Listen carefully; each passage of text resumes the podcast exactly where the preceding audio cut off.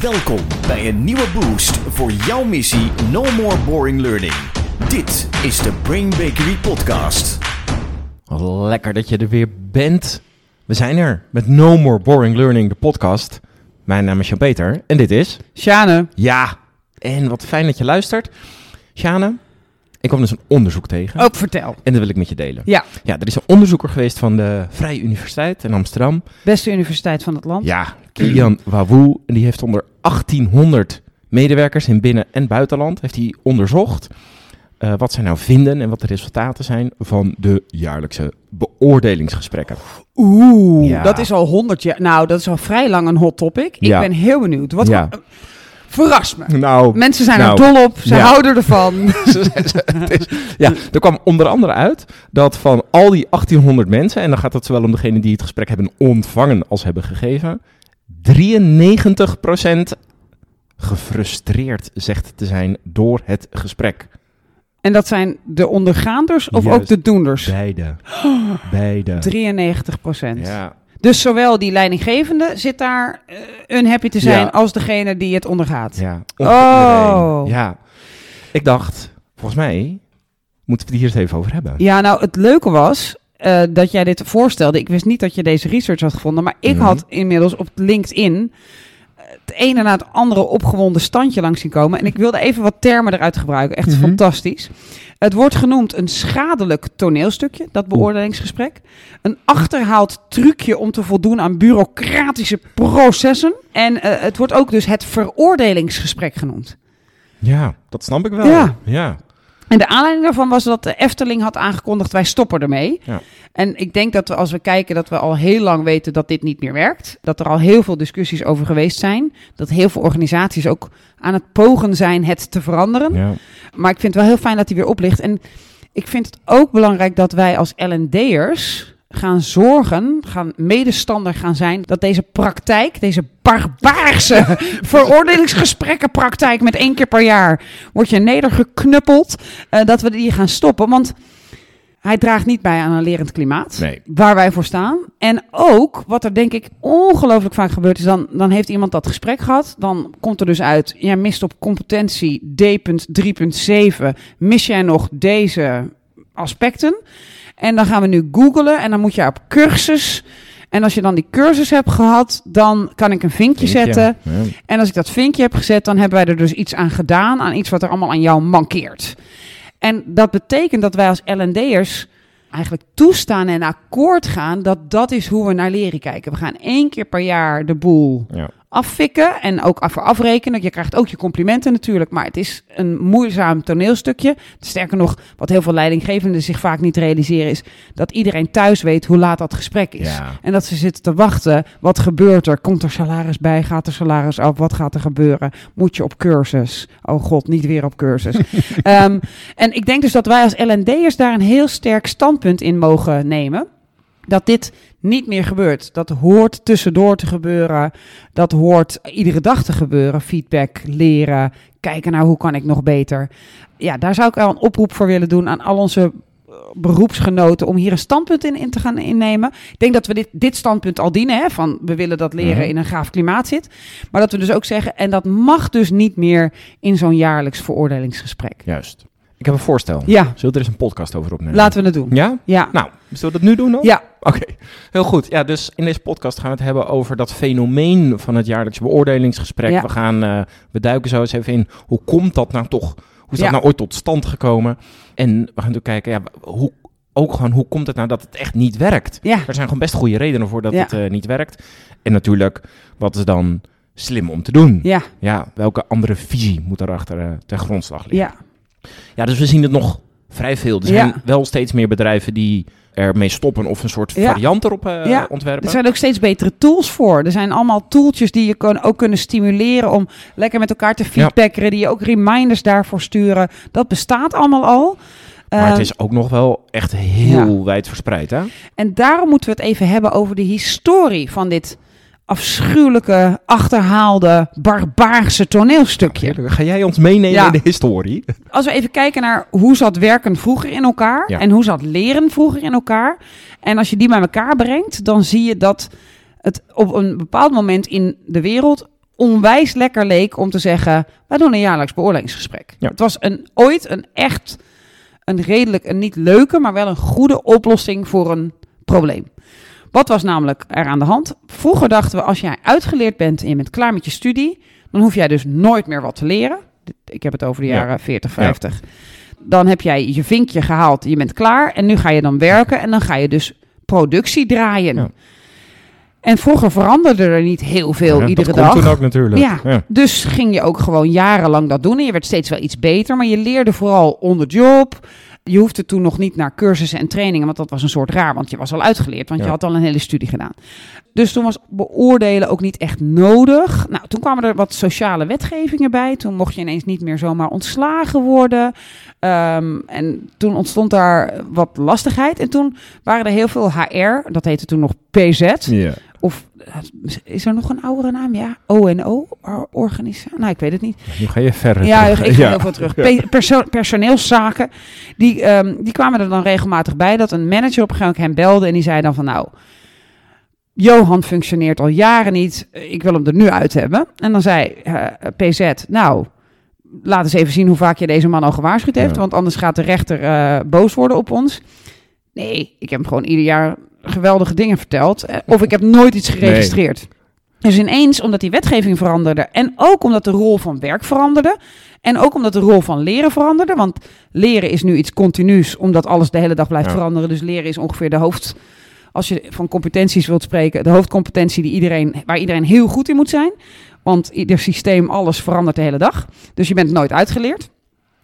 Dat is één. De andere is werk was vroeger overleven, was toen een beetje extra iets meer hebben dan de buurman en is nu een expressie van mijn eigen doel en mijn eigen why is niet in alignment met de why van de organisatie en ik heb een purpose. Dus het is een, iets heel anders geworden. Ja. Generatie Z Zoom. Daar is laatst las ik een voorspelling. Ik weet niet of die uitkomt hoor. Van een futuroloog die zei die gaan in hun eerste tien werkzame jaren gaan ze tien banen hebben. Bam. Zo. Ja, en als je Ja. dan naar de silent generation die nu met pensioen is kijkt, die hadden er misschien tien in hun hele leven. Ja. Dus de rol van werk, de rol van feedback en leren is zo ontzettend veranderd. En de wetgeving is nog steeds heel streng. Dus wat DPZ? Er moet minstens één, doe dan één keer per jaar registreren hoe slecht iemand is. Dus dat is eigenlijk... Het is geboren uit een soort noodzaak voor dossieropbouw eh bijna. Dat, dat, dat is als je kijkt naar de afgelopen twintig jaar, waar je het vaakst als trainer voor gevraagd werd. We moeten dit trainen, want anders doen de managers Ja. het niet. Want nou, dat, daarom verbaast die 93% mij niet. Ik vind het wel heel gaaf dat het bestudeerd is. Maar dat leidinggevenden zelf ook denken, ik heb hier een teringhekel aan. Ik kan ook niet als leidinggevende, kun je natuurlijk er niet aan voldoen. Je kunt niet een heel jaar van iemands leven die ups en downs had. Covid kwam langs, die is zijn vader verloren, die heeft een kind erbij gekregen. Er is van alles gebeurd in dat leven privé en in het werk is er van alles veranderd, gedaan. En dan, nou, we gaan even, ik heb een half uur uitgetrokken of een uur. Ik ga even een overview geven van jouw het performance. hele jaar. En Ja. trouwens, in maart had je wel die fout gemaakt. Ja joh, daar hebben we het toch over gehad. Hou, hou verder je mijl. Dus een, een leidinggevende kan het per definitie niet goed doen. Nee. Eh, zeker niet als je het dus reduceert tot één keer per jaar. En die, die ander zit te wachten van, ja, komt er nou meer geld bij of hoe zit Ja. het? Ja, ja, wat kan ik straks eh, thuis vertellen? Ja. ja. Dus vanuit de historie was het ooit begrijpelijk en ook nodig. En ik denk ook dat het nog steeds in grote organisaties nodig is dat je dingen ook op papier gaat zetten en soms ook gaat vastleggen. Want er zijn mensen die hebben een fantastische inslag en er zijn mensen die denken, nou, ik ben zwaar disengaged. Dan kan het handig zijn op, op een gegeven moment als je, als je iemand echt niet met allerlei middelen hebt geprobeerd om zwaar engaged te maken, is het best lastig om, om iemand eh, dan afscheid van te Ja. gaan nemen. Dus Ja. dan, ik snap ook dat je dat moet vastleggen. Ik snap dat. Maar Dat klopt. Alleen dat is iets heel anders dan... Ik wil dat mijn medewerkers zich ontwikkelen, dat mensen gaan leren. Dat, zijn, dat zijn twee verschillende dingen. 100%. Ja. En je, je proeft ook dat, dat de eerste initiële gedachte achter dat gesprek ook niet er een van vertrouwen is. Hè? Het is er een van wantrouwen. Ja. Van, Ja, eh, in de uitleg van het onderzoek Ja. wat ik net eh, noemde, van die, eh, van die meneer Wawoe, zegt hij ook, hij, hij legt dat uit en hij legt het uit als in, nou, beide partijen voelen wantrouwen. ja, de ontvanger, hè, dus de medewerker, uh, wantrouwt, ja, is deze beoordeling wel eerlijk? En wil je hem ook wel eerlijk geven? Want wil je me niet, misschien wil je me wel geen verhoging geven, want wil je dat allemaal niet betalen? En dus daar zit wat wantrouwen. Ja, en wat ga je nu weer voor oude koeien uit de sloot halen waarschijnlijk? Ja.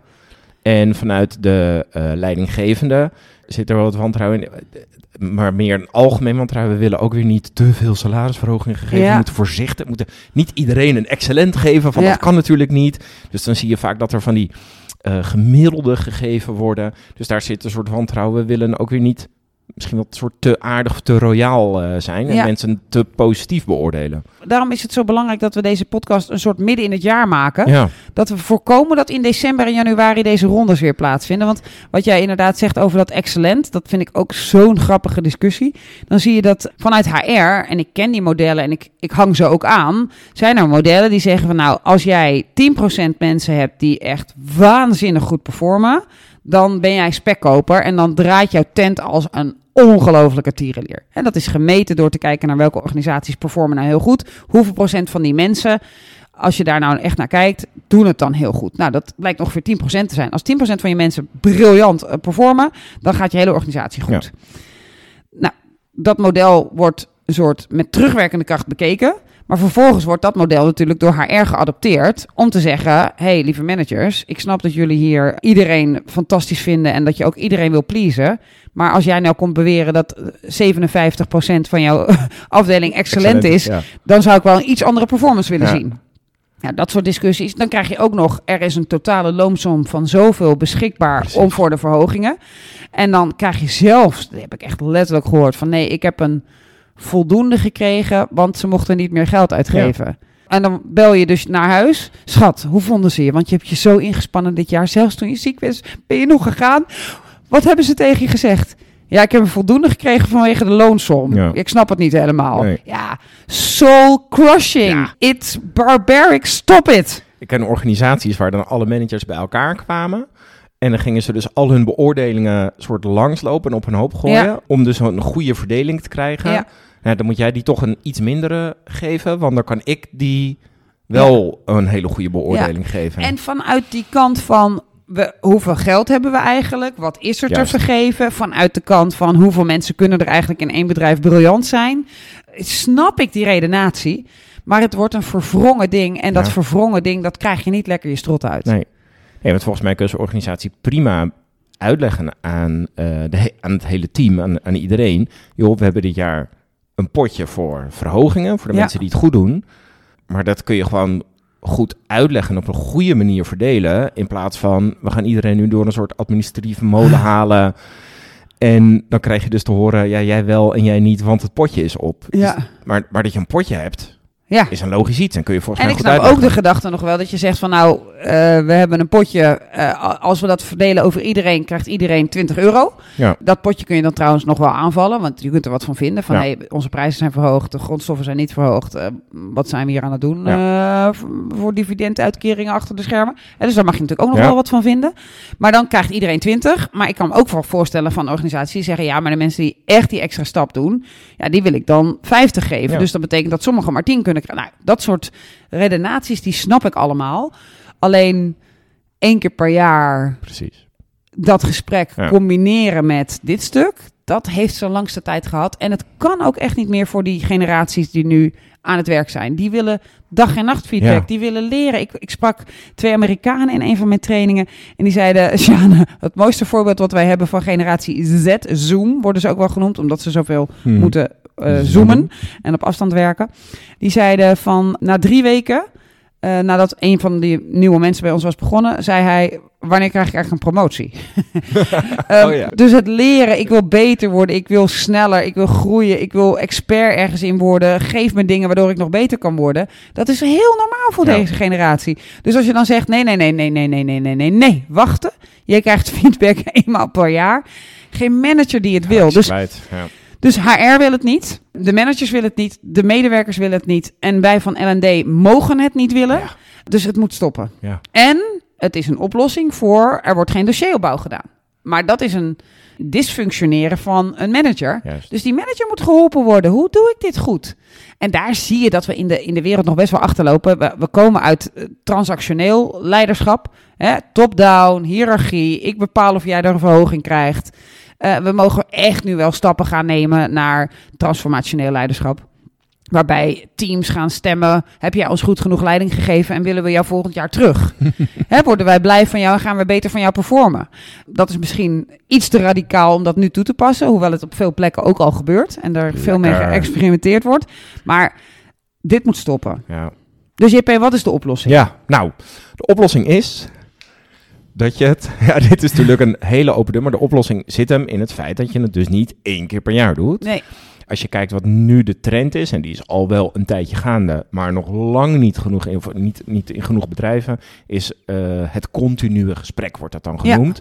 Nou, dat is wel een hele formele term, maar dat betekent eigenlijk, je zorgt voor een lerende organisatie waarin mensen de hele tijd op allerlei manieren feedback ontvangen ja, en vragen. ja, en daarbij is het heel erg belangrijk. En daar heb ik op een gegeven moment een experiment mee gedaan bij een aantal leiderschapstrajecten met senior vice presidents en eh, hoge, hoge, ho- hoge types wereldwijd. En toen heb ik ze gevraagd: pak nou eens allemaal je telefoon Hmm. en stuur nu even echt een flink compliment naar iemand. Wel in jouw eigen tone of voice, hè? wel dat het bij Ja. jou past. Dat ze wel weten dat niet iemand jouw telefoon heeft gestolen. Maar stuur ze even een compliment en denk even na voor iets waarvan je eigenlijk denkt... Nou, als ik daar nu over nadenk, tering, waarom heb ik daar niet even van gezegd? Wat goed gedaan. Jeetje, wat heb je daar ingespannen? We hebben zelfs een beetje doorgenomen dat het geen cheerleading is. I love you. Maar, maar echt even van, joh, op dat project, daar zat dat tegen. En toen ben jij, heb jij doorgezet. Dat vind ik eigenlijk dus wel Goed fantastisch. Ja. ja. Even een goeie. En toen heb ik gezegd van nou, voordat je hem stuurt, want iedereen had hem klaarstaan. Hoe gaan jouw mensen reageren hierop? En wat zegt die reactie over jou als leider? Toen hebben we daar eerst bij stilgestaan. Dat was wel achteraf gezien heel erg verstandig. Want een van de eh, een beetje cynische leiders die zei... ja, ze gaan echt eh, zeggen, wat is dit voor belachelijk? Wat heb ik nou aan mijn fiets hangen? En toen, toen hebben we nagedacht over, wat zegt dat dan? Nou, dat zegt dus eigenlijk, ik krijg dit compliment nooit... dus ik word hier wantrouwig Ja. van. En dat valt een beetje in de lijn wat ik nou ja, tien jaar geleden al deed eh, voor de groep staan en vragen aan een groep. Goh, joh, jullie komen hier van allerlei organisaties. Hoe, hoe performen jullie eigenlijk op dit moment? Nou, dan zei iedereen, eh, eh, ja, eh, wel goed. Ja. En dan vroeg ik, hoe weet je dat? Ja. En dan zeiden ze, nou, ik hoor niet dat Nee. het slecht gaat. Ik hoor niet dat het niet goed gaat. En daardoor weet ik dat ik oké ben, kennelijk. Dus het ontbreken van complimenten is heel vaak een, een grote. Dus nou, dat hadden we allemaal doorgesproken als mensen heel blij zijn enzovoort. En eh, toen verstuurde iedereen. En toen zag je echt het onderscheid tussen leiders die ook uit de assessment eh, dat ze van tevoren, een ontwikkelingsassessment wat ze van tevoren hadden gedaan, kwamen sommigen als echte people managers. En die kregen echt hartjes. Thank you. Oh, that's so great to hear. Die kregen dat terug. En de mensen die echt nog veel transactioneler waren, hiërarchischer, top-down, daar kreeg er één van terug eh, in het Engels. Are you drunk?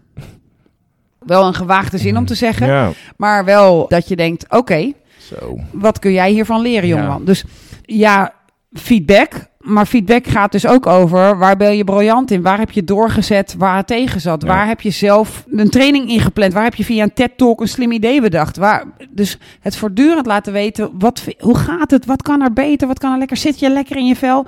Dat is de rol van de manager. En het is niet één keer per jaar even afrekenen. Goh, human resource. Heb jij nog een beetje lopen performen hier? Nee. Are you drunk? En hier raken we natuurlijk ook meteen aan de rol van L&D. Ja.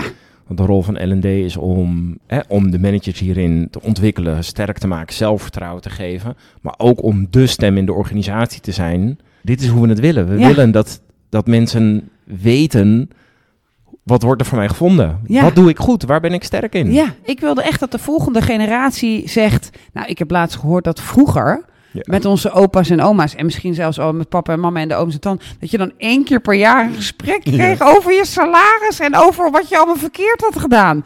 Wat een crimineel belachelijke tijden. Ik verlang naar die datum. Ja, weg met het veroordelingsgesprek. Ja. Dankjewel voor het luisteren allemaal. Dit was No More Boring Learning. If you like us, geef ons dan vijf sterren. En eh, we spreken je, de, nou, we luisteren naar je op de speakpipe. Als je een Ja. berichtje achterlaat. Vinden we heel leuk. En we zien je in de volgende YouTube video. Doei. No more boring learning. Dit was de Brain Bakery podcast. Wil je meer weten? Kijk dan op brainbakery.com of volg ons op onze socials.